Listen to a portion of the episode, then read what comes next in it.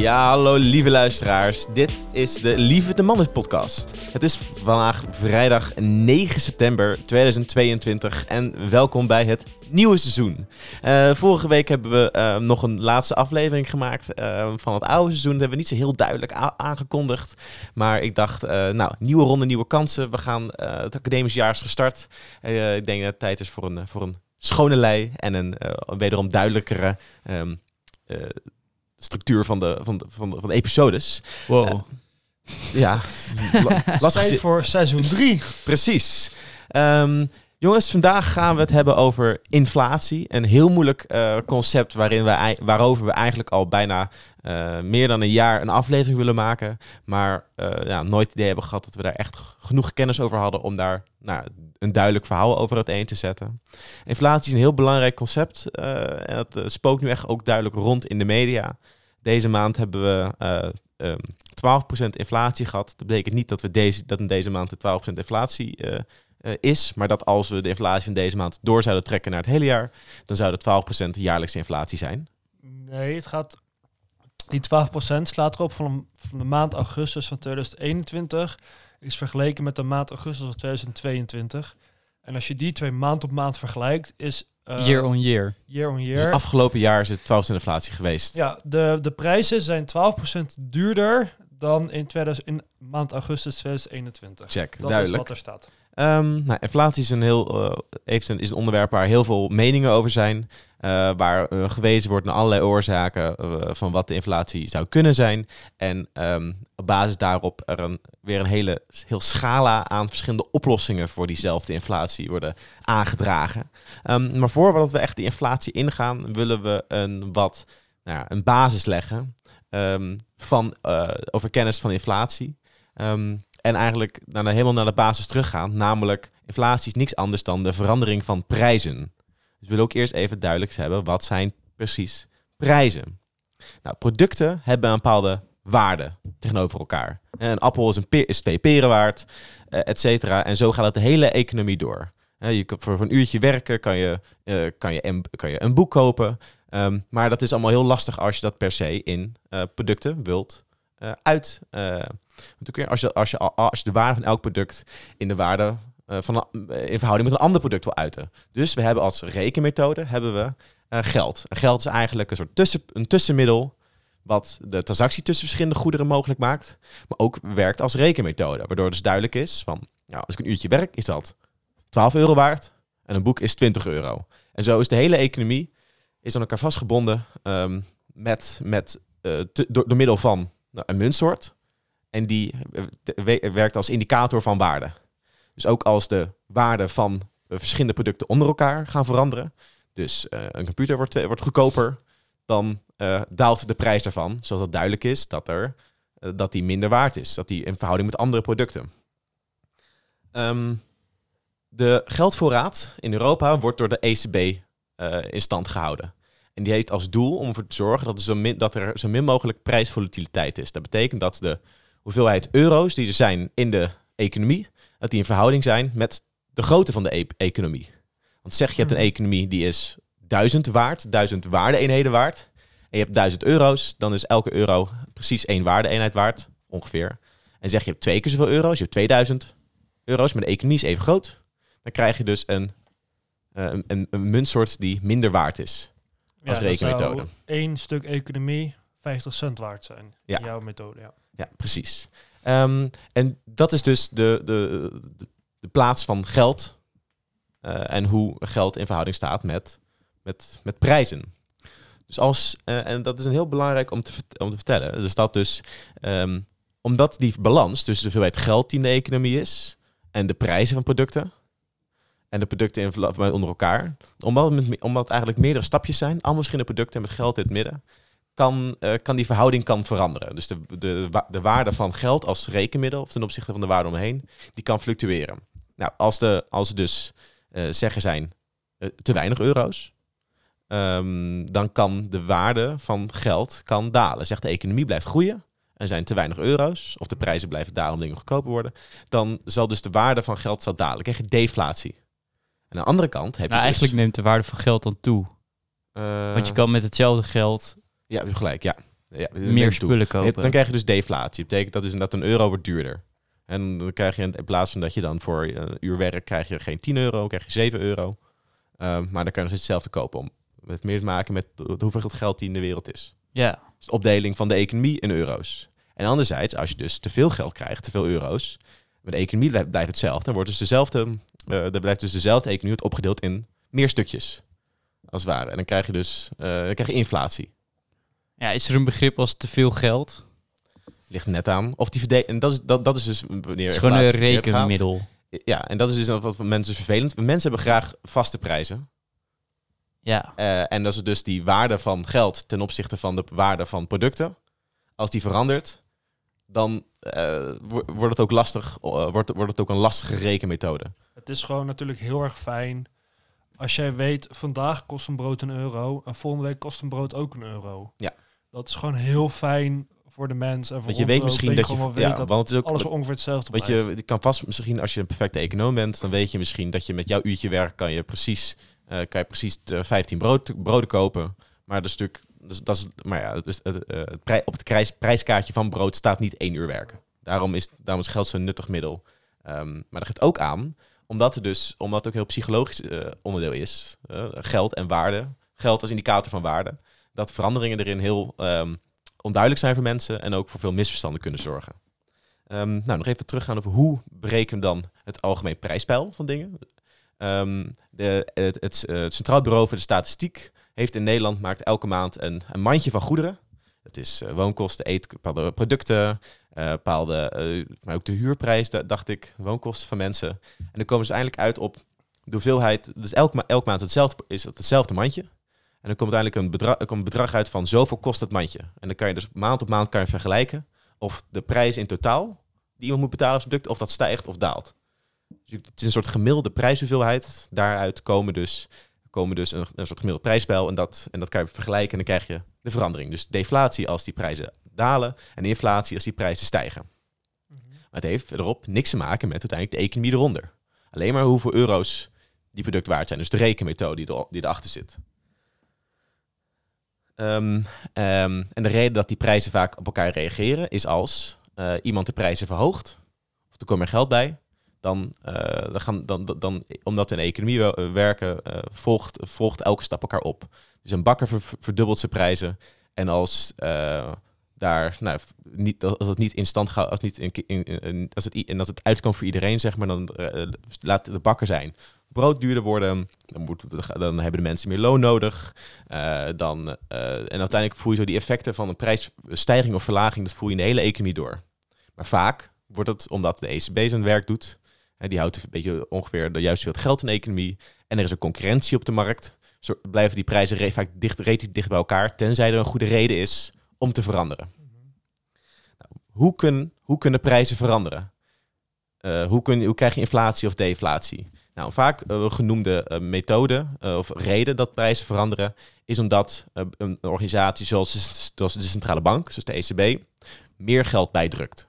Het eerdere voorbeeld dat gegeven had van dat als de economie evenveel waard is, maar er komen twee keer zoveel euro's bij, dan wordt elke euro de helft zoveel waard. ja, want de hoeveelheid goederen die wordt geproduceerd, die is, Hetzelfde. die is, nou ja, die is op de korte termijn hetzelfde. Op de lange Ja. termijn kan die groeien, maar op korte termijn kan er niet. We kunnen niet over, over, eh, overnight na een nacht in één keer de hoeveelheid eh, computers die we kunnen maken Nee, precies. Maar verdubbelen. de, hoeveelheid geld die blijft dan... En dat, kijk, uiteindelijk hè, in de echte economie eh, duurt even dat mensen erachter komen. Dus je kan je tijdelijk misschien wel meer kopen. Maar eh, micro-economisch als het ware, dan als er meer geld bij komt, dan wordt alles gewoon de helft twee keer zo duur. Maar dat blijft nog steeds evenveel kosten. Dus de, de, de echte waarde is nog steeds hetzelfde in de economie. Het wordt gewoon alles opgedeeld in euro's. Ehm, nou, dit is daar aangenomen. Je hebt ook nog een andere soort eh, reden van inflatie of deflatie. Dat is als bepaalde goederen in ehm, prijs stijgen of dalen. Dus je hebt bijvoorbeeld, op dit moment relevant is de, grond, is de energie- en grondstoffencrisis. Is omdat de prijs van gas eh, negen keer duurder is geworden in Nederland. Nou, zeg, eh, de prijs van gas is, is, is ehm 1% of, of 10% van de kosten van een product.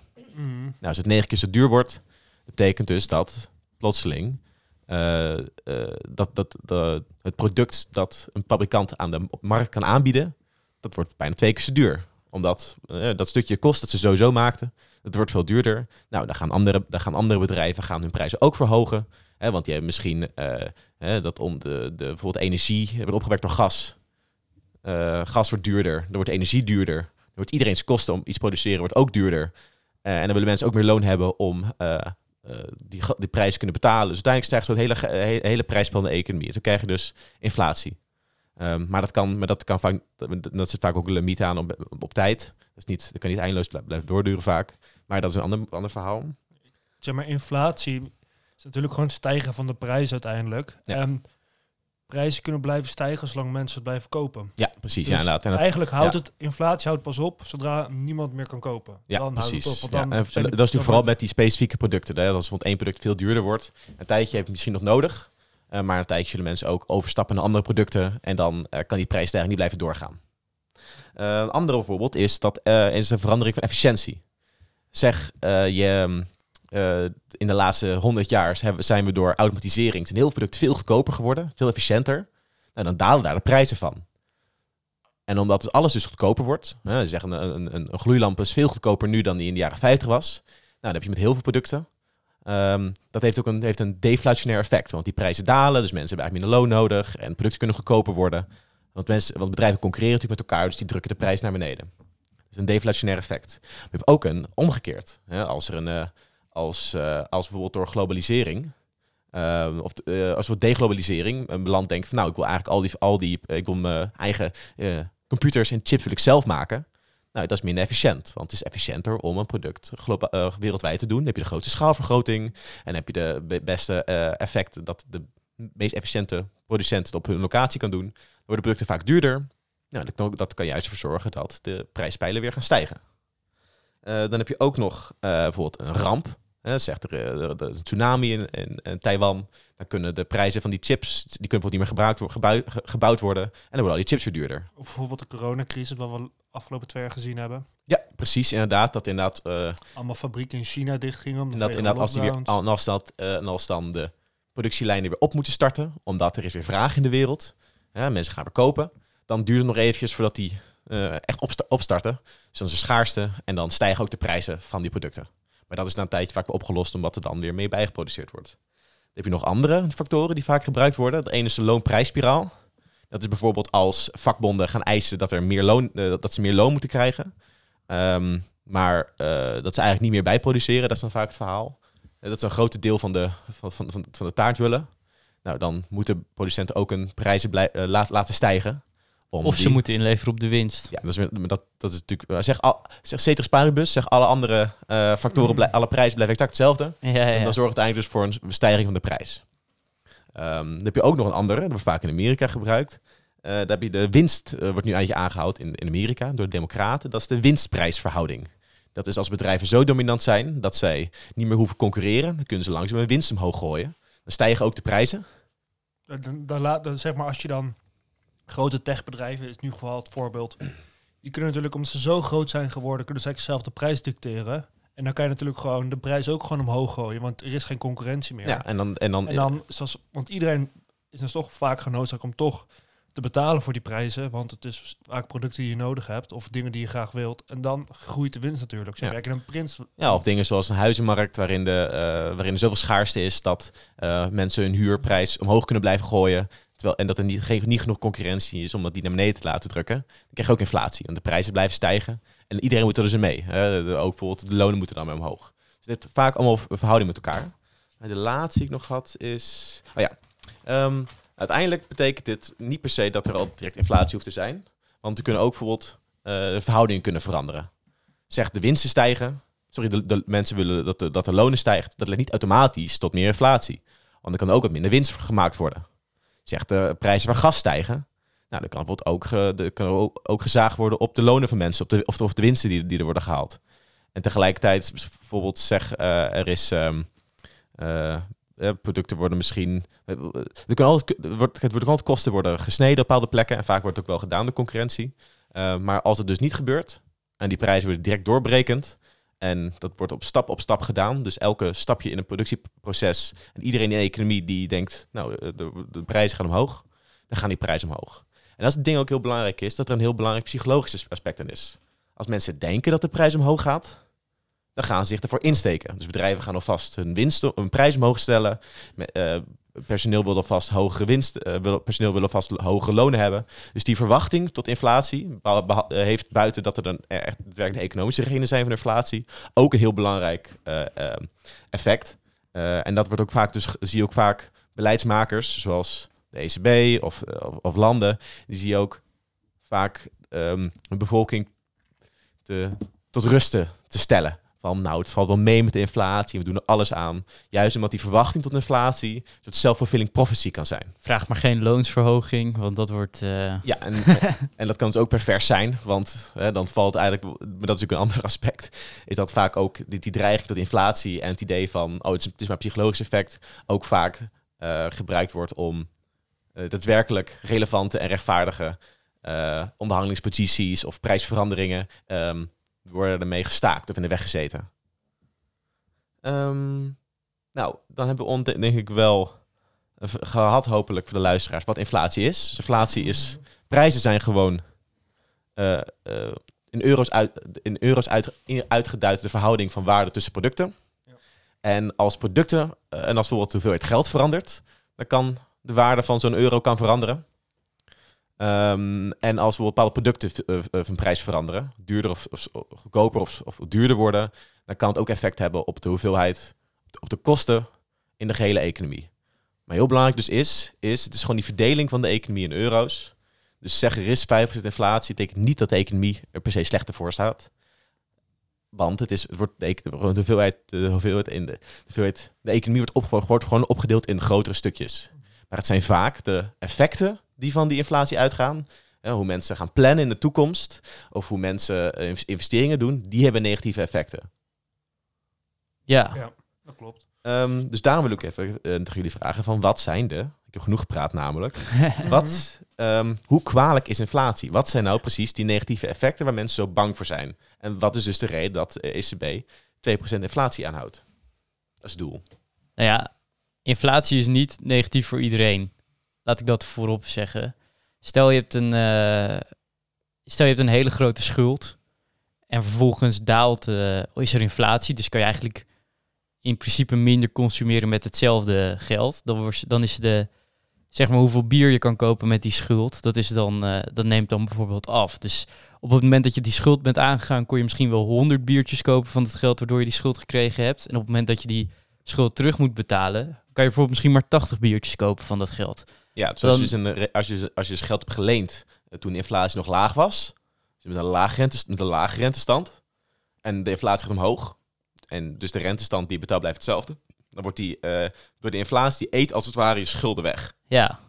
Ja, daardoor krimpt eigenlijk je schuld en zie je dat je dus niet net zoveel had, consumeren, had kunnen consumeren op een moment later als eerder. Dus dan heb je eigenlijk 20 biertjes verdiend, zeg maar, jij vroeger. Omdat je, Ja, zeg je hebt Eerder een, ja, zeg je geconsumeerd hebt een hypotheekschuld van 2 ton, en je hebt eh, in plaats van 0% is 10% inflatie, dan wordt dus 20.000 euro van je schulden elke keer afge- afgegeten gewoon, omdat het minder waard wordt. ja, of nou ja, het wordt niet minder waard, maar de, En de, de de- consumtie die ja, er maar de reële economische waarde tegenover van jouw schulden lager. wordt steeds lager, zeg maar. Dus Dus je hoeft dat, minder hard voor te werken om die schulden af te betalen. Ja, dus Ja. dat is bijvoorbeeld Ja. gunstig voor mensen met een studieschuld die nu 0% rente betalen, maar wel 10% eh, Inflatie hebben, ja. inflatie hebben. Maar stel dat je heel veel geld op een spaarrekening hebt staan en je belegt verder niet. Of eh, als je belegt, heb je nu ook slechter paar maanden gehad. Dus ik ben je ook waarschijnlijk nog wat geld verloren. Maar laat, laat het even simpel houden. Je Het is hebt waar, gewoon het- geld op je- een je, je spaarrekening. hebt debitors en creditors, dus crediteuren en debiteuren. Dus als je, eh, als je in de schuld zit, dus je hebt, je, je hebt een hypotheekschuld of whatever, Mhm. of je hebt een bedrijf met schulden, dan heb, is een, de ontwikkelingen nu positief. Maar zeg je bent een creditor, Of je dus bent een overheid met schuld. krediet, dus jij hebt aandelen of jij hebt, eh, of jij, eh, hebt iemand geld uitgeleend, dan ga je dus achteruit. Dus eigenlijk de Ja. hefs, als het ware, zij die schulden hebben uitstaan, Mhm. Die gaan op die achteruit. gaan nu op achteruit. Als jij een Maar ja. spaarrekening hebt, dan wordt jouw sp- spaargeld minder waard. Ja, Dat, dus- is, dat ja. is het hele probleem. En, wat ook, maar, en dat spaargeld is bijvoorbeeld, wordt ook vaak gebruikt van dat is lekker toegankelijk voor mensen hè, die, eh, voor, de, voor, de, voor de middenstand. Maar Mhm. er zijn dus ook mensen, dus de, de rijken der aarde, die dus andere mensen geld uitgeleend hebben. Dus de banken Ja. wordt, de bank, ook het geld dat de ba- banken hebben uitstaan, is ook minder waard. Dus als je, als je eerder kapitaal hebt opgebouwd als het ware en dat uitgeleend hebt, dan wordt het dus minder waard. Ja, maar dat is, eh, je kan niet zeggen haves en have-nots, want iedereen in Nederland heeft een pensioen en dat pensioen heeft Ja, geheid precies, geld ja. uitgeleend aan elke overheid. Dus je, je kan wel denken van, nou, dat, Ja, dat ik heb er geen last van, ik ben geen have, misschien ben je wel een have. Ja, Iedereen is uiteindelijk wel een heftig. In Nederland is iedereen, het is natuurlijk gewoon, ja, Nederland leeft bijna. ook grotendeels op de schulden die wij hebben uitstaan bij andere landen. Nee, die, die andere landen hebben uitstaan bij ons. nou, daar leven we niet per se op, maar een beetje technisch verhaal, maar als je gaat beleggen wil je een bepaald risicoprofiel, dus dan moet je bepaalde beleggingen mixen. En in die cocktail, zeg maar, zitten ook gewoon staatsschulden. Oké, dus, dus dat, heeft, dat heeft te maken met de, de geldmarkt. Kijk, als gevolg daarvan gaan bedrijven natuurlijk nu ook, als je dus nu wat wil gaan lenen bij een bedrijf of bij een bank, die gaan je hoge rentes vragen. Dus zegt de, le- de dus, dus nu ook al, en dat is natuurlijk, daar, dan wordt het negatief, de kosten van lenen worden duurder, de kosten van kapitaal worden duurder. Ja, En dat heeft dus ook eh, een nadelig effect. Is dat als de rente straks weer gaat dalen, en dat weet je misschien, denk je van nou, de inflatie gaat straks dalen. Waarom zou ik nu geld uit, wa- waarom zou ik nu geld gaan lenen? Nou, heb ik een hartstikke dure, eh, eh, rent, eh, heb ik een hartstikke dure leen die moet af gaan kopen. En dat is dus, dan krijg je dus die ne- negatievere macro-economische effecten. Waarin dus investeringen misschien uitgesteld worden. Dat mensen misschien minder kunnen lenen voor een huis. En dat kan weer nadelige effecten hebben op de economie. Dat, me- dat mensen toch minder gaan kopen. Dat die bedrijven niet de investeringen gaan doen. En dat zijn de negatieve effecten. dat er banen niet gecreëerd worden. Niet per se van de inflatie. Maar dus van de hogere eh, eh, eh, leenrente ja, de die het gevolg is. van die inflatie. Verwachting van inflatie als het ware. Ja, En natuurlijk, de andere is een grotere maatschappelijke verwachting. Als, als iedereen in de economie denkt van de inflatie zal erop blijven staan, dan zullen ze hun eh, prijzen steenvast blijven verhogen. En ook gaan blijven eisen van, nou, ik wil volgend jaar ook weer 10% Meer loon. loonsverhoging. Of de prijs moet volgend jaar sowieso ook 10% omhoog. Mhm. En, eh, en daarom is het ook heel moeilijk om die inflatie ook weer te temmen. ja. En dat is ook heel kostbaar dus. Als je nu dus echt wil verlagen, dan krijg je dus sowieso een crisis. Ja, want dan eh, krijg je dus een generatie die dus een heel dure rentes heeft, dure leningen. Bijvoorbeeld een generatie misschien eh, in die in de nou, ja, jaren, jaren 80 een huis kocht, toen de rente weer laag was in de jaren 90. En t- toen zat je, zaten heel veel mensen met een best wel dure hypotheek. ja, maar de huizenprijs, dus die mensen betaalden veel eh, rente, maar ze be- betaalden weinig. Ja, je Eh, kan ook je, je kan vaak je lening herfinancieren. Ja, ja, maar ze betaalden in principe weinig voor het huis, want omdat die Ja. rentes zo hoog waren, kon niemand veel geld We lenen. hebben ook geen, zeker geen meelijn met die generatie, maar het geeft aan dus hoe, eh, hoe, het, hoe dat dus het lenen en uitlenen van geld wordt dus vermoeilijkt door inflatie. Omdat je dus niet Ja. in de toekomst kan kijken. En je weet dus niet ehm, hoe hoog eh, moet ik dus geld uitlenen. Wat is, in de- wat is te duur om ook te gaan lenen. En ook omdat iedereen zijn kosten blijft, eh, blij- blijft uitgeven. Eh, Hoe bedoel je, ze kosten blijft eh, zijn- zijn zijn kosten blijft verhogen. Of, Oh, eh, de bedrijven. ja, precies. De prijzen blijven... Ver... Dus- ja. schetst over het algemeen, voor mij persoonlijk, en we kunnen mening ook over horen, niet per se een beeld van inflatie is super erg of zo. Het, is niet, het, het, het legt niet per se een hele economie stil. En die focus op een super lage inflatie, die kan ook juist heel veel kapot maken. Want als de inflatie straks willen gaan verlagen, dan kan dat eh, de economie eh, ook ontzettend schaden. Weet jij daar misschien meer over, Jury? Hoe je inflatie naar beneden brengt? Nou, kijk. je hebt natuurlijk ook twee soorten inflatie. Je hebt natuurlijk vraaginflatie en je hebt aanbodinflatie. Zeg maar, je, het gaat dan allemaal om prijzen natuurlijk. Dus je kan de prijs laten stijgen door gewoon veel meer vraag te hebben naar producten. En dan schiet gewoon de prijs omhoog omdat gewoon veel meer mensen producten willen. Of je kan hebben dat de aanbod heel erg krimpt. En dan schiet de prijs ook omhoog van producten. En zodra je heel veel meer vraag krijgt, betekent dat je eigenlijk een hele, goede, hele goed draaiende economie hebt. Als je een goed draaiende economie hebt, dan kan je juist met de rentestanden van de Europese Centrale Bank, die kan je dan gaan veranderen. En die kan je zeg maar omhoog gooien. En dan kan je de economie afremmen door zeg maar lenen goed Ja, maar duurder dat is- te dat is de maken. truc en dus. dat is de truc juist. Inflatie ga je tegen door de economie af te remmen. Ja, en, dat, en dan ben je eigenlijk gewoon, om de inflatie te stoppen, ben je eigenlijk de economie aan het afremmen. En ook gewoon zorgen, aan, voor het zorgen dat een aantal mensen niet meer gaan investeren en geen banen meer gaan creëren. En niet meer op zoek gaan naar nieuwe dingen, zeg maar. Omdat je het lenen moeilijker maakt en duurder maakt. Ja. Dus daardoor probeer je eigenlijk... ja, dat is Je het gaat, tekstboek. eh. het tekstboek-economie. je gaat de economie afremmen. En daardoor zullen de prijzen minder stijgen. Want, want mensen moeten gewoon... Je gaat mensen gewoon dwingen om gewoon eh, minder geld te geven. Ja, de truc de is natuurlijk inderdaad. Hè, ehm, bijvoorbeeld in de jaren 70 heb je de Volcker shock gehad. Dat was hoge inflatie. En ja, jaren Paul 80 Volcker. pas, volgens mij. 80? 81. Oh ja. Ja, jaren 70 heb je dan hoge Nixon nog, inflatie. Eh, volgens mij is het in het jaar ja, maar Volker heeft dus 70. echt, is dus echt 60 jaar hoog eh, in de boom geweest. Hij was eerst hoge ambtenaar onder economie en heeft hij geadviseerd toen eh, Nixon. Ja, dat was de een goudstandaard was de een belangrijke. Amerikaanse econoom, beleidseconoom. En die heeft ook toen die crisis genomen. Wat hij toen gedaan heeft, hij heeft de... En dat is, dat is natuurlijk weer een ander verhaal, misschien. Want ehm, de rente die er voor leningen gevraagd wordt in de economie... Die, is veel, die wordt sterk beïnvloed door de centrale bank. Ja, klopt. De centrale bank dicteert eigenlijk wel hoe hoog de rentestand is voor leningen en voor hypotheken. Want de truc dus is, is dat banken kunnen altijd geld sta- st- stallen, als het ware, bij de centrale bank. Maar ze kunnen ook altijd geld lenen bij En de die krijgen, centrale daar een bepaald, ja, die krijgen daar een bepaald rentestand van. bank. Mhm. En dus hoe du hoog, en als dus de centrale bank zegt van nou, eh, rente is 0%, zoals lang was ook in de ECB, of negatief zelfs, Ja, eh, dan betekent dat banken heel goedkoop geld kunnen eh, lenen en ook weer kunnen uitlenen. En dat is Klopt. een enorme stimulans is dat voor de economie. Maar dat kan dus ook inflationeel effect hebben. Er wordt komt er meer geld in de economie. En dat kan dus ook, en als de economie niet genoeg meegroeit, dan wordt de economie dus opgedeeld in meerdere stukjes en dan krijg je inflatie. Nou, en als het dus, als de inflatie toch te hard gaat, dan kan de centrale bank kan doen. Nou, we gaan de rentestand erg omhoog gooien. Dat Ja. zie je nu bij de ECB met 0,25 gebeuren. Maar Volker, 1,75 heeft... eh, en is wat heeft Volker? Echt boven de 10% volgens mij.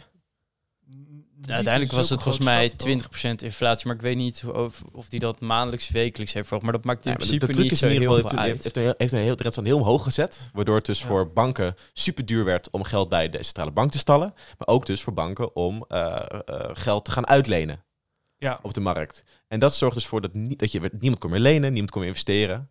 Dat, eh, dat maakte de hele economie, dat, de stokte eigenlijk. De werkloosheid steeg enorm. En eh, dus mensen konden ook niet meer, die zegt de auto wordt elk jaar 10% meer waard. Mensen konden geen, geen auto meer kopen. Dus die bedrijven die de auto's verkochten, die konden dus die auto niet meer kwijt. Dus die moesten uiteindelijk moesten hun prijzen gaan verminderen. Dus iedereen in de economie die moest plotseling weer gaan concurreren op prijs. Omdat anders de economie niet meer draaide. ja, maar dat klopt. Want hij, hij had zeg maar de keuze of ik laat de economie nu instorten, ik sloop mijn hele economie, of ik sloop mijn hele munt. En ik laat het, al het geld instorten en we laten het geld gewoon oplossen en laten de economie gewoon draaien. En toen heeft hij ervoor gekozen, we laten de economie instorten, Ja, Juist. maar we zorgen ervoor dat de waarde van het geld bewaard blijft. Ja. Dus eigenlijk heeft hij ervoor gezorgd dat de rijke Amerikanen er beter uit zouden komen, dat de arme Amerikanen de schuld moesten dragen, dus, ja, de last precies. moesten dragen van deze keuze. Dus daarom is het ook een heel Nou, politiek gevoelige keuze. Want het inderdaad, is meer dat je de staatsschuld, die ga je in één keer veel meer voelen. als je de inflatie, maar het is zo, als je de inflatie dus omho- eh, als je dus de ren- als de centrale bank dus de, de rentestanden omhoog Ja. gooit, dat is Dan super je- slecht voor de reële economie. Dan ga je dus heel hard de economie worden. afremmen. Je Maar- gaat heel erg, heel Ja. erg stoppen dat de economie verder gaat groeien en verder gaat ontwikkelen. Maar ja, je kan ook niet zeggen dat inflatie geen probleem was op dat moment. Nee, maar je hebt toch ook al altijd meerdere oplossingen om inflatie te kunnen tackelen. was- En als je dan één keer zo'n hele Ja. grote rente erop op je economie neerlegt, leg je echt gewoon een, gewoon een, gewoon een wielklem leg je op je economie. Je, stop, je, je, je remt Dat is heel, economie. rigoureus. Dat is heel Ja, en zo'n rigoureus schok kan heel veel kapot maken in zo'n Je kan economie. eigenlijk heel veel slopen. Je kan in een jaar kan je een economie slopen wat 100 jaar geduurd heeft om op te bouwen. En dat is eigenlijk best wel rap gegaan in die tijd. Ja. Daar is misschien ook wel een hoop kapot gegaan in Amerika. Ja, maar, Maar op dat moment had je de stagflatiecrisis, hè? dus het was ook niet alsof die Klopt, echt een heel ook- andere Nee. optie had. Dus maar die dat- ja. recessie was er sowieso. Hij heeft hem misschien wel verdiept, maar stagflatie is ook niet een scenario wat je jarenlang eh vast dat, ja, kan de stagflatie is natuurlijk gewoon dat er dus meer geld bijgedrukt wordt, maar de economie kan niet zoveel mee. Ja, maar het kan ook bijvoorbeeld zijn, je kan bijvoorbeeld een, eh, kan je, ja, ik zit even te denken. Stel, de- er is, er is dus inflatie in een situatie waarin de economie dus al niet krimpt. Dus je gaat, dat, die hele economie, die deel je eigenlijk door dus de hoeveelheid geld die er is. En dan krimpt dus die economie, maar de hoeveelheid geld ook nog. Dus dat is, dat is super dubbel. Maar je kan niet jezelf uit een stagflatiecrisis Printen. stimuleren Nee, nee, of printen. want nee, dat wordt, nee. nee. Nee, maar en dat is ook belangrijk. Dus Ehm, het Volker, we hoeven Volker ook niet als een debiel weg te Nee, zetten. nee, want het is zo weer de grootste, de, de truc is de grootste monetair econoom van de Laat me het zo, laat me het zo zeggen. Eh, het is ook een histo- stukje dus context. Er was ook in toen er meerdere, toen er een economisch paradigma als het ware eh, veranderde eh, van een fiscaal naar monetair beleid. Dat is een heel ander verhaal. Maar we hebben dat ook in een andere podcast. Nee, maar ja, dat, Maar de truc is vooral ook als we gaan kijken, want die crisis van de jaren 70 wordt, wel ook, wordt vaak aangehouden van, oh, er is nu weer infla er is weer inflatie. Eh dat hadden we toen ook. Dus mensen zijn maar aan het kijken naar die beleidsmethodes. Nou, wij zouden zelf zeggen, het is een ander soort inflatie. Uh, dus we willen ook even zeggen van welke soort inflatie we nu. Waar komt het vandaan? En dus ook eventueel, wat zijn de oplossingen van die inflatie? De inflatie van nu zijn echt gewoon de, het is vooral de aanbodkant eigenlijk. Het is heel erg opgehouden aan de aanbodkant. Er is natuurlijk vele malen minder aanbod van uh, gas, van verschillende soorten grondstoffen, verschillende soorten chips, verschillende soorten dingen die we meeste dingen uit China bijvoorbeeld. Uh, Auto's. Auto. Ja, auto's dus komt weer door de chips natuurlijk. Eigenlijk houdt heel veel op, omdat er gewoon aan het aanbodkant heel veel tekorten zijn. Er is eigenlijk van alles wel wat je kan opnoemen, is er ergens op deze wereld wel een tekort. Graan is er tekort, olie is er tekort, gas is er tekort, chips zijn er tekort, auto's zijn er daardoor weer tekort.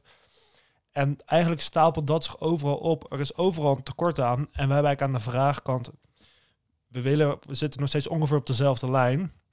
We willen evenveel vragen als eigenlijk eerst. En daardoor zie je eigenlijk door tekort en aanbod, zie je de prijzen gewoon heel hard omhoog schieten. We hebben het net over de gasprijs gehad. Vanwege de oorlog uh, van Rusland met Oekraïne is eigenlijk gewoon gebeurd dat uh, de gasprijs nu gewoon negen keer hoger is dan dat die eerst was. En dat loopt gewoon natuurlijk. Energie is een zo grote uh, uh, rol speelt het mee in een prijs of een, in de prijs van een product, van een goeder, van een goed. Dat eigenlijk heel erg belangrijk is hoe is, hoe is de energieprijs nu geregeld. En je ziet eigenlijk overal wel een voorkomen dat de prijzen eigenlijk nu heel hard omhoog moeten stijgen, omdat juist de energie zoveel duurder is geworden. En dat is gewoon een hele lastige situatie. En je ziet nu ook met energierekeningen van mensen zelf. Die, wordt, die gaan nu ook af en toe vier keer zo hoog als wat ze eerst waren. En dat heeft eigenlijk zo'n grote uh, slechte uitwerking op de economie. Dat juist alles in prijs eigenlijk omhoog gaat. Zonder dat je eigenlijk ja. daarvoor op gecompenseerd wordt. Het, het is dus echt zo'n schok van één mm -hmm. en vooral een bepaald product. En in dit geval denk ik echt vooral gas. die, oorlog in die oorlog in Oekraïne heeft vooral voor Europa voor ontzettend veel inflatie geleid, omdat gas gewoon zoveel duurder is. Ja. En dus energie duurder. Hè? En natuurlijk in, ik had het gehoord van de Economist, die stelde de prijzen op de energiemarkt, die worden berekend um, op basis van het allerlaatste, allerlaatste percentage dat ze nodig hebben om dat op te wekken. De kosten daarvan, dat is de energieprijs. Mm. Dus ze hebben zegt 80% van de Nederlandse uh, uh, energievoorziening, die kost eigenlijk nog steeds evenveel. Maar de laatste 20% wordt met gas opgewekt. Nou, dat is nu heel duur geworden. Ja. Dus iedereen krijgt uh, dezelfde energieprijs als die gasproducenten. Maar uh, en dat, en, en, ja, want dat, anders komt dat aanbod niet op de markt als die prijs niet gehaald wordt. En dan heb je dus een tekort aan ja, energie. precies. Dus, en, en dat, en, uh, en, maar en ze proberen dus nu, en dat is dus een Europero te doen bijvoorbeeld, is die overwinsten.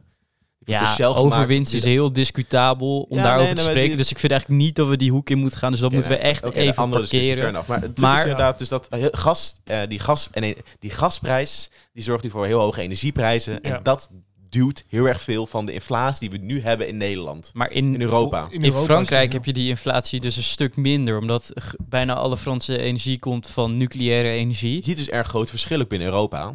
En zelfs dat, met zo'n interconnected een, eh, economie als Euro- Europa, waar dus ook een Duits product wordt veel duurder. En dat zien voelen, de, voelen de Fransen ook. Dus, eh, maar dat is, heeft niet hetzelfde effect.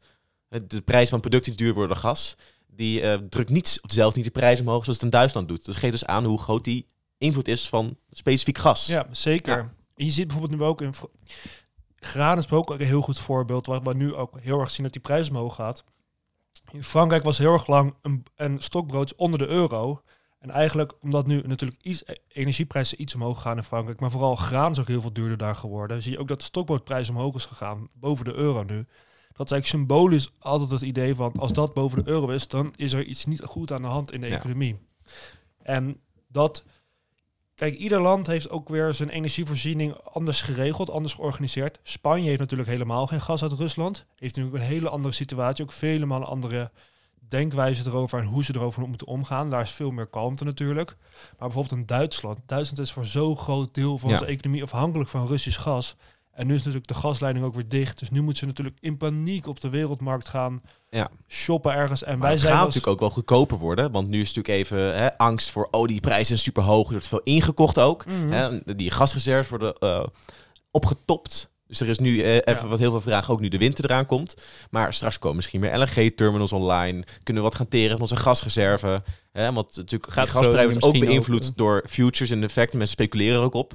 Ja, maar Dus dat hij misschien juist weer gaat dalen, omdat een beetje de, de angst en de hype van de markt af Het is. Leuke dat, dat was valt wel- ook weer mee hoor. Want als je kijkt naar de futures van gas bijvoorbeeld, voor het Nederlandse gas of op de Nederlandse markt, is eigenlijk de verwachting tot 2024 blijft die hoog.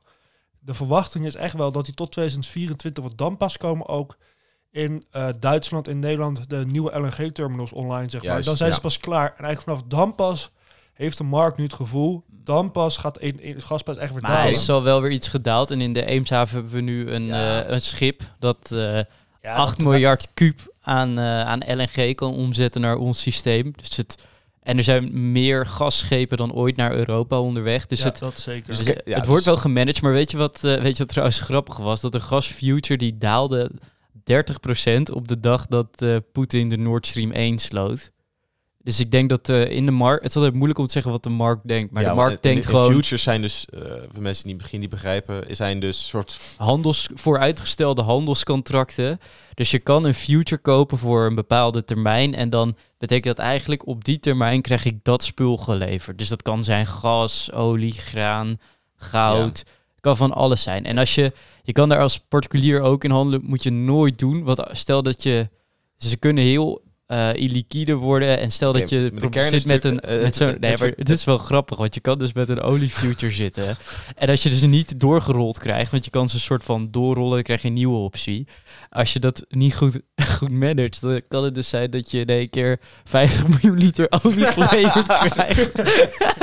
Moet je bedenken wat een smeerboel dat wordt als je daar niet op ingesteld Maar de bent. kern is dus die futures, die vertellen dus ons wat eh, het algemeen de markt denkt dat de waarde van gas en andere producten in de toekomst gaat zijn.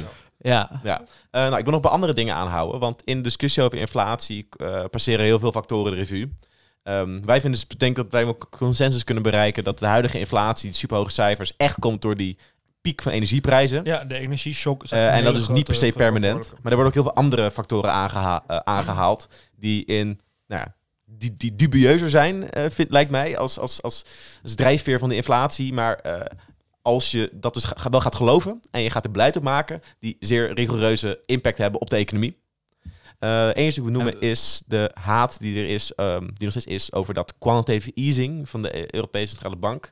Dat ook Mhm. onderdeel is van de inflatie. Eh, samengesteld, eh, de Europese Bank heeft heel veel geld bijgeprint tijdens de coronacrisis. eh, om, om staatsschulden af te kopen. Toen, de rente nog laag was. En mensen zeggen nu van nou, nu de economie stagneert, eh wordt er echt ingehaald. Er is nu heel veel geld. en nu gaan we het nu eigenlijk op pas verlaat. krijgt de economie dat door. En dan krijg je dat dezelfde economie opgedeeld wordt in kleinere stukjes. Dat is waar, Ja. want er is 20% meer geld bijgedrukt tijdens de economie. Dus zou je 20% inflatie krijgen. Ja, maar dit is een beetje dat ouderwetse tekstboek economisch denken. Wat wel een. We hebben eigenlijk zo'n rare andere economie dat, dat het tekstboek totaal niet kan snappen en kan volgen natuurlijk. Want er is een coronacrisis geweest. Er is een gigantische eh, energiecrisis nu. Eigenlijk is dat helemaal niet hoe dat volgens het boekje ooit kan gaan gebeuren. Ja, en dat is natuurlijk ook En- gewoon gepusht ook in dingen zoals staatsschuld afkopen. Ja, zeker. En dat komt niet direct, in de economie terecht. Nee, klopt. Het, het blijft een beetje zweven in de, in de kapitaalmarkt. En eigenlijk kan je nog steeds wel concluderen, die, dat hele quantitative easing is totaal niet aan het mee eh, bemoeien met de huidige inflatie. Want je ziet totaal niet dat het nou echt zo groot effect heeft. Je ziet, want tot pak een beet eh, januari had je eigenlijk hele, helemaal geen hele hoge inflatie natuurlijk ook hier in Nederland. Eigenlijk, je ziet ook in de inflatiecijfers, als je vanaf maand naar maand bekijkt, zie je echt de grote shock was natuurlijk, schok was in maart. Want alles ging toen helemaal raar van de, van, de, van, de energieprijs van de gascrisis natuurlijk. En toen Maar- ook- het helpt niet. Nee, Het ja, helpt dat niet. Maar, maar kijk, nou, het helpt juist. Kijk, natuurlijk, het extra geld dat bijgedrukt is, als het ware, dat levert ontzettend veel op. Dat zorgt ervoor dat heel Europa nog in stand blijft. ja, Oh, Ja, ja, maar- en maar dat het Anders we namelijk ontzettend moeten gaan bezuinigen. En de schade die we nu hebben gekregen van misschien een paar procent extra inflatie van, eh, doordat de ECB Europa gered heeft, die, Ja. Die, Maar- die kan niet concurreren met de ontzettend, die, schade die we moeten hebben als we bijvoorbeeld geen corona eh, herstelpakket hebben gehad of eh, It- Italiaanse en Zuid-Europese bedrijven niet de stand hebben weten te houden. Maar er is een ontzettende push ook van bepaalde nou ja, eh, Nou ja, het helpt niet conservatieve tegen economen. inflatie. Maar als je gewoon een goede conservatieve econoom bent, dan zeg je... Ja, we hebben die shock niet goed opgevangen. En we hebben nu juist niet alle zombiebedrijven Ja. kapot laten gaan. Ja. Om zo eh, dus grotere productiviteitsgroei te krijgen. Want we hebben dus nu wel het probleem. eh, dat zie je onder andere bij die lonen. Dat er heel veel mensen die werken, bijvoorbeeld, die hebben een baan bij een bedrijf wat eigenlijk niet productief is en wat niet in stand eh, wat geen stand zou kunnen houden als er geen rentes zouden zijn van 0%. Die dan niet aan hun verplichtingen kunnen voldoen. Er zijn mensen die werken nog steeds bij dat soort bedrijven, terwijl die economie juist zouden zeggen, kijk, als er wat hogere, hogere rente was geweest, dan hadden die bedrijven het niet volgehouden, hadden ze werknemers moeten lozen en dan waren die mensen gaan werken bij een bedrijf wat productiever is, wat juist een grotere groei aan kan jagen. Dus het is ook, Dat is natuurlijk helemaal, Dus- prima- dat is natuurlijk helemaal juist. Ehm, maar de truc is natuurlijk... ehm, Micro-economisch is het compleet logisch. Macro-economisch zou je zeggen... als al die bedrijven in één keer omvergeknald zouden zijn... waren hele markten ook in de paniek geweest... en was de schade uiteindelijk veel groter geweest dan... Ja. Ehm, het positieve effect is van nieuwe mensen circuleren. Kijk, die bedrijven die toen niet konden overleven... die gaan nu, nu de coronasteun voorbij is... gaan dus nog failliet. nou ja, dat moeten we nog even zien. Maar er, er zijn een aantal dingen die niet gunstig zijn voor Ja. bedrijven die waarschijnlijk wel failliet kunnen gaan. Trouwens ook misschien waarschijnlijk niet gunstig voor inflatie. En dat is bijvoorbeeld de verhoging van 10% van, de minim, van het minimumloon. Dat is de volgende die ik wilde zeggen. Is dat ehm, de andere factor die aangegeven wordt eh, waarom de inflatie zijn, is stijgende lonen. Dus enerzijds Ja. een krapte op de arbeidsmarkt, waardoor mensen meer loon gaan aanbieden. En anderzijds eh, loonstijgingen door ehm, verhoging van zaken zoals minimumloon of hogere cao-loon die door eruit onderhandeld zijn. Ehm, ik zou zelf zeggen dat is helemaal geen stimulans van de inflatie, omdat de prijzen die stijgen nu al. De lonen die gaan er pas later achteraan. ja, Die stijgen veel lager. Dus uiteindelijk de totale prijs van een product, de verhouding van loon daarin, die wordt juist kleiner. Dus de, dus die doet helemaal niet die inflatie. Kijk, je, had, je kan natuurlijk inderdaad de inflatie kan je remmen door mensen helemaal niks meer extra te geven. Maar daar zijn de Mhm. effecten veel te groot van. En het, zijn, het is niet de, de kernreden dat er inflatie is, komt niet door loon. op dit moment niet, maar dat kan wel het geval worden. Eh, er is de winsten maar la- eh, lager worden. Ja, maar kijk, er is een soort van een mogelijkheid als je een beetje conservatief economisch na kan denken. Dan kan je in, inbeelden dat je door de loonstijgingen ga je langere periodes van inflatie kennen natuurlijk. Ja. Want nu wordt inflatie vooral gedreven door energie. Op een gegeven moment is dat eh, energiegedeelte gaat dan ooit weer een keertje dalen. Maar dan moeten de lonen natuurlijk nog aanhaken met het nieuwe prijsspel natuurlijk. En, met de- en mensen moeten gewoon nog kunnen blijven leven. En mensen gaan natuurlijk ook gewoon hogere lonen eisen, wat hartstikke goed is. Dan ga je natuurlijk nog een iets langere periode hebben dat lonen iets meer doorstijgen. Dan weer iets, eh, ook weer zorgen dat producten weer iets duurder worden. Dan nog Ja. een beetje. Maar weet je wat het is? De, de, je gaat als bedrijf nu ook bijvoorbeeld meer belasting betalen, omdat om die mensen in dienst te houden, bijvoorbeeld meer winstbelasting. Andere lonen stijgen dus ook mee, omdat die gekoppeld zijn aan het minimumloon. Uitkeringen gaan dus nu ook stijgen, omdat die ook allemaal gekoppeld zijn aan het minimumloon. Dus je, je krijgt dat iedereen in één keer 10% meer krijgt, bij wijze van maar. Eh daar wil ik nog heel even door. Terwijl als je juist een gerichte maatregel had genomen, die juist had gem- gemikt op alleen de, de kosten van energie vergoeden voor werknemers. Zoals je bijvoorbeeld, je kan net als een eh, soort van, eh, er zijn bepaalde vergoedingen die krijg je netto, dus niet bruto. Want mensen krijgen nu een bruto loonsverhoging. Maar- Maar, je zou als ook hebben hadden kunnen zeggen, werkgevers geven eenmaal een netto Ja, uitkering dat waar geen belasting over natuurlijk. betaald wordt. Ja, dat vinden ze ook super interessant. Maar het truc is Nee, nee, uiteindelijk nee, maar kijk, dat is dus om te voorkomen dat je dus krijgt dat breed iedereen in één keer veel meer Ja, de- geld de, krijgt. angst, de angst En de, Kijk, de, de, de minimumloon dat omhoog gaat. Er is enkele reden voor dat dat voor iedereen een loonsverhoging zou gaan zorgen. Ja, dat is dus wel zo. Want iedereen die net boven het minimumloon zit en nu onder het minimumloon valt. dat is niet iedereen. Dat zegt dat, zegt dat is Nee, nee, 40% van Nederland. Nee, De prijzen gaan omhoog. Nee, maar weet je wat het is? Dus eh, bijna iedereen. Stel je werkt, je hebt, eh, je hebt wat meer ervaring dan je collega. En je collega verdient het minimumloon. En jij verdient 10% meer dan hij. Als je collega dan één keer 10% erbij krijgt, dan sta je allebei op dezelfde loontrede. En ben jij het loondorp achteruit gegaan. Dat is onacceptabel. Dat is ook een beetje op de werkvloer. Dat, dat gaat niet Mensen, gebeuren. mensen in de praktijk zijn heel slecht in het verhogen van een loon. Handelen amper op, tenzij CO's omhoog gaan. Ja, maar dit- Vooral onderaan in die ladder. Maar nu gaat het dus ervoor zorgen dat andere CEO's dus bijvoorbeeld ook weer omhoog Ik gaan. ben dus er zelf je... echt niet bang voor. Dit, dit, dit, dit angstzaaien, je zit bij de NCO is- NCW nu.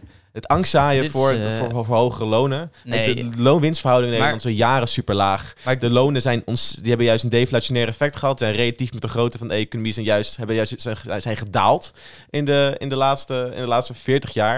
En dan is er een, een keertje, een klein beetje loonsverhoging. Dat alleen maar de koopkracht in stand houdt voor de inflatie. En dan al is er zoveel paniek. Die lonen die moeten omhoog. Die, dat, dat kan de economie compleet aan. Een beetje inflatie op basis van loonsverhoging is eh, eh, gerechtvaardigd. redelijk en ook goed voor de economie, voor de vraagkant. Ik denk dat het alleen maar goed is dat die lonen omhoog staan. En wat namelijk, dat is eigenlijk het volgende punt dat ik wil Nee, maken. ik denk dus niet. Want ik denk dat dus bedrijven dit wel door gaan rekenen. Maar dat is het volgende punt, is dat inflatie, die kunnen we ook nu, omdat de winsten blijven stijgen. Dat heeft Ja. Felix Heimberger, die, die, die Oostenrijkse econoom, die stel- stelt ook dat de en waar, winsten, die, waar stijgen de winsten?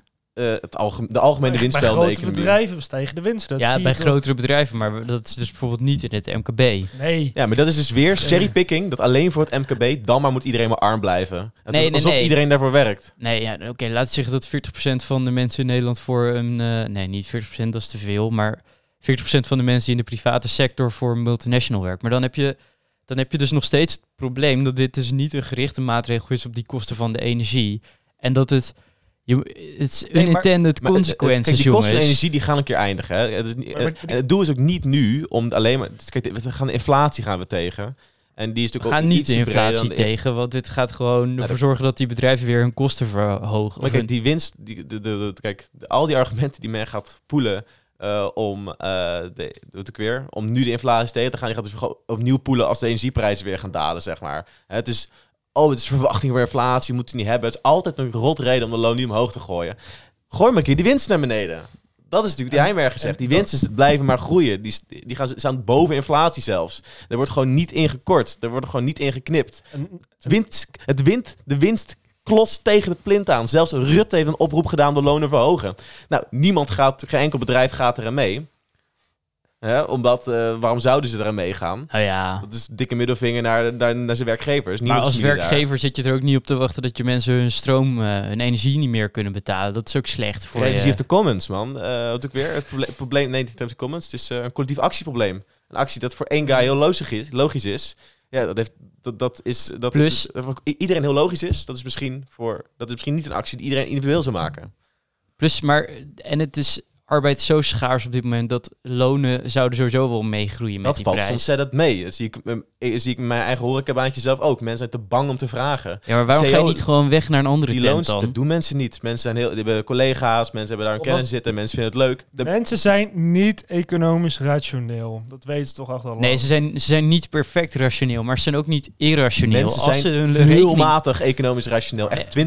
20%. Nee, niet perfect, maar kijk, op een bepaald moment gaat het kwartje echt wel vallen dat, dat als je je rekening niet kan betalen en ze betalen bij de buurman, betalen ze meer, waardoor je je rekening wel kan betalen, dan ga je... Er is een punt dat je die oversteek wel gaat maken. Het is juist veel interessanter, ook voor werkgevers, om gewoon die loonsverhoging te geven. Dat de mensen niet kwijtraken. De transactiekosten die zitten in, in, je- in je vak personeel verliezen, zijn enorm. Maar ook werknemers, werkgevers, het middenkleinbedrijf, is zelf ook niet economisch rationeel. Die heeft niet de beste trends op hoe de schaarse arbeidsmarkt zit.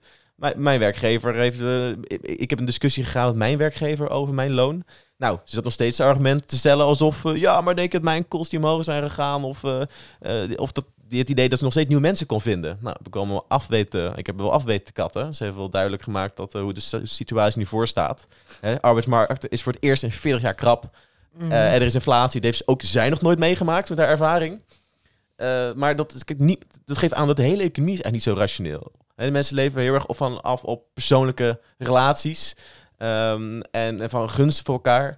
En met die intrinsieke motivatie is vaak veel sterker dan die extrinsieke calculerende motivatie die mensen vaak hebben over, Oké, over geld. maar, en vooral in de onderkant van de samenleving is het heel belangrijk. Mensen komen gewoon niet op voor hun rechten.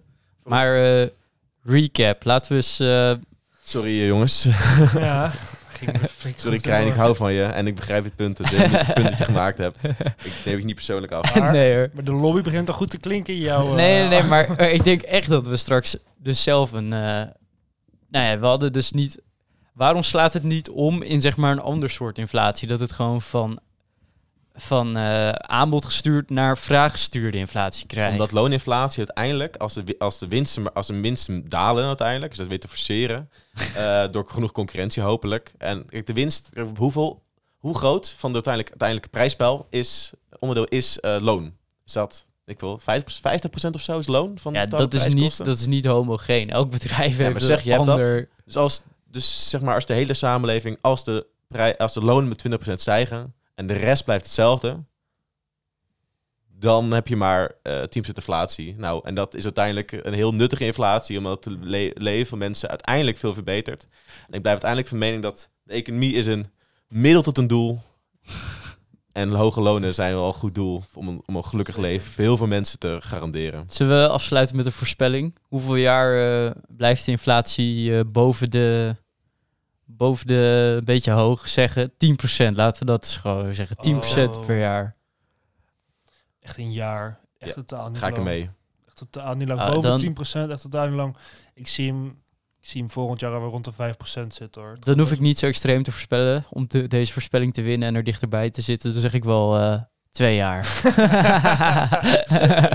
Jullie zijn wel heel optimistisch op dit moment. Ja, Maar op een gegeven moment houdt het ook op hè. Op een gegeven moment gaan we gewoon mooi... eh, op een gegeven moment krijgen we gewoon een gezellige recessie. Dat is wat je nu ja, zegt. op een gegeven moment, kijk, op een gegeven moment krijg je een recessie. En op een gegeven moment kan je zo wel de prijzen laten stijgen. Maar weigeren mensen gewoon de rekening te betalen. Op Ja, een ja. gegeven moment los je dat zo op.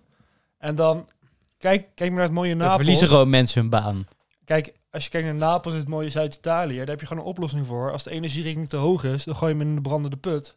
Dan hoef je hem ook niet meer te betalen. Ja, die wordt wel door iemand een keer betaald. de Europese Unie gaat gewoon, dus nu bezig met zo'n leider, gaat eh, gewoon de hele markt vervalsen eigenlijk. Gaat de maximumprijs instellen voor gas. En de Europese eh, gasproducenten, dat is 60% van het Europese gasgebruik, die gaan zich aan houden. Dan hoeven, gaan we wel eh, misschien duurder gas uit het buitenland halen.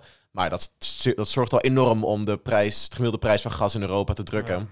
Nou, dat is even lastig voor de paar staatsbedrijven in Noorwegen. Maar Noorwegen gaf wel aan dat ze niet zo erg vinden. Nee, natuurlijk niet. Die, die pompen dat gas ook niet voor, voor een prikje omhoog hoor. Dat zijn wel lieve jongens. Dat zijn wel en, lieve jongens. en het ding is van Noorwegen zaten toch wel volledig aan hun capaciteit. En dat, die volledige capaciteit konden ze wel prima draaien met een lage gasprijs. Dus die hoge gasprijs. En dan Ja, je ze, worden- ze zitten zo van, joh, je betaalt me al meer dan de afgelopen tien jaar, hè? Je betaalt me zo godschuwelijk veel al. Je betaalt me al eh, vier keer zoveel als En je gaat eerst. naar andere olie-exporterende landen en je zegt van... Hé hey jongens, hè, die de gasprijs nou voor een vriendendeeltje. Dan doen we onze handjes en voor onze oogjes. En dan gaan we al die Duitse oorlogindustrie. Zoek je? Nee, je gooit Nee. bijna het glas om.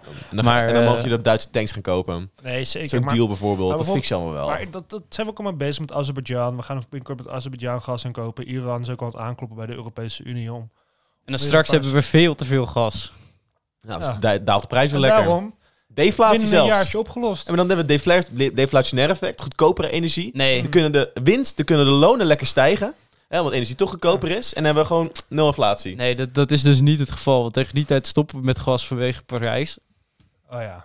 En dan hebben we dus gewoon heel veel gascontracten. waar we Ik denk dat het hartstikke goed gaat komen. Al die paniekerij is nergens voor nodig. Gooi je lonen lekker omhoog. La- eh, la- we gaan- ik ben helemaal in vertrouwen van de eurocraten eigenlijk. Geloof het ook helemaal. Nou, we Goed, gaan goed. het zien. Ehm Nou, bedankt En voor dan het... eh, ehm, wil ik graag de luisteraar weer bedanken voor het eh, luisteren naar deze prachtige aflevering.